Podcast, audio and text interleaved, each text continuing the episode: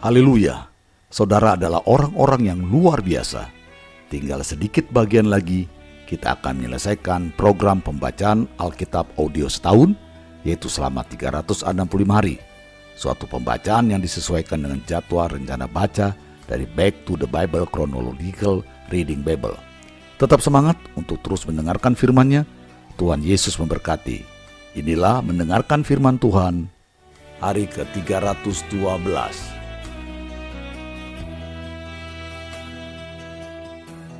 Matius pasal 25 Pada waktu itu, hal kerajaan sorga seumpama sepuluh gadis yang mengambil pelitanya dan pergi menyongsong mempelai laki-laki.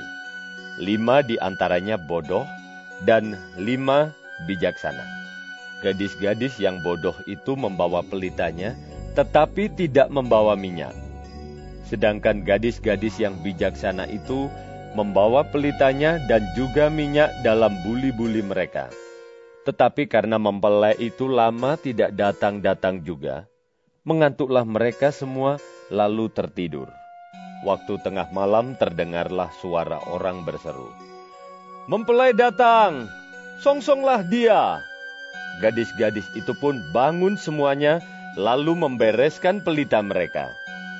Gadis-gadis yang bodoh berkata kepada gadis-gadis yang bijaksana, Berikanlah kami sedikit dari minyakmu itu, sebab pelita kami hampir padam. Tetapi jawab gadis-gadis yang bijaksana itu, Tidak, nanti tidak cukup untuk kami dan untuk kamu. Lebih baik kamu pergi kepada penjual minyak dan beli di situ.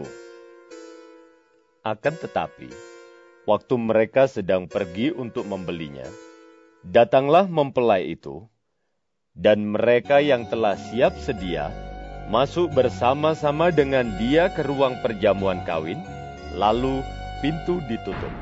Kemudian datang juga gadis-gadis yang lain itu dan berkata, Tuan, Tuan, bukakanlah kami pintu.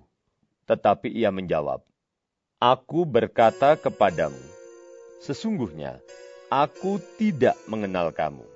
Karena itu, berjaga-jagalah, sebab kamu tidak tahu akan hari maupun akan saatnya. Sebab hal kerajaan sorga sama seperti seorang yang mau bepergian ke luar negeri, yang memanggil hamba-hambanya dan mempercayakan hartanya kepada mereka. Yang seorang diberikannya lima talenta, yang seorang lagi dua, dan yang seorang lain lagi satu.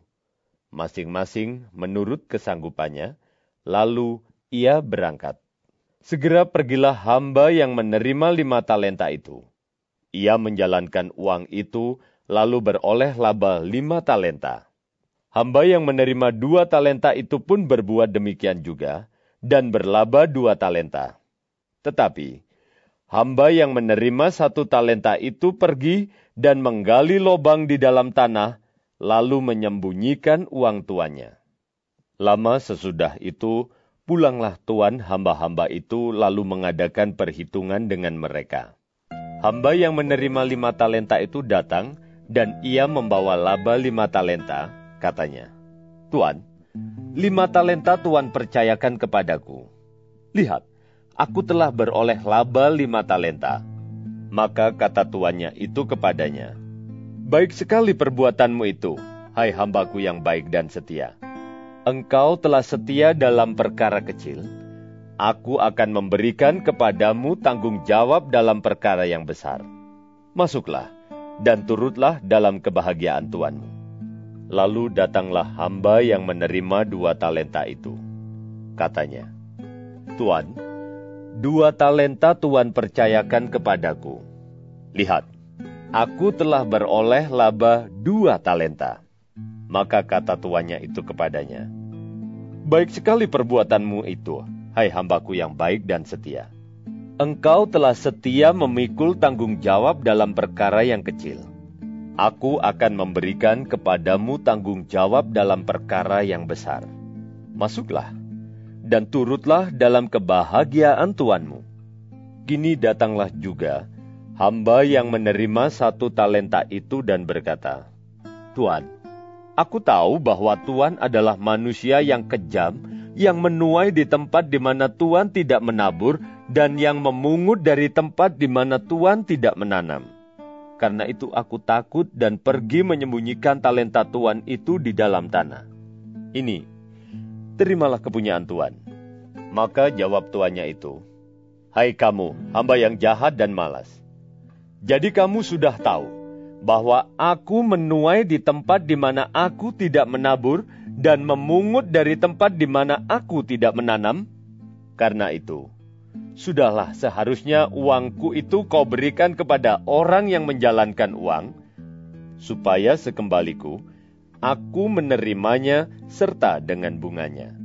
Sebab itu, ambillah talenta itu daripadanya dan berikanlah kepada orang yang mempunyai sepuluh talenta itu karena setiap orang yang mempunyai, kepadanya akan diberi sehingga ia berkelimpahan.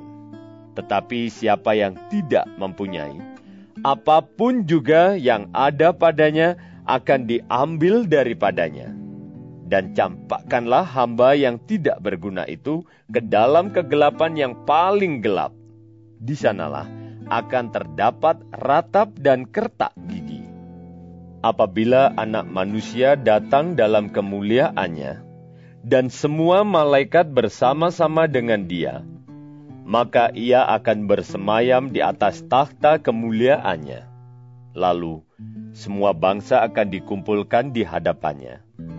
Dan ia akan memisahkan mereka seorang daripada seorang, sama seperti gembala memisahkan domba dari kambing, dan ia akan menempatkan domba-domba di sebelah kanannya dan kambing-kambing di sebelah kirinya.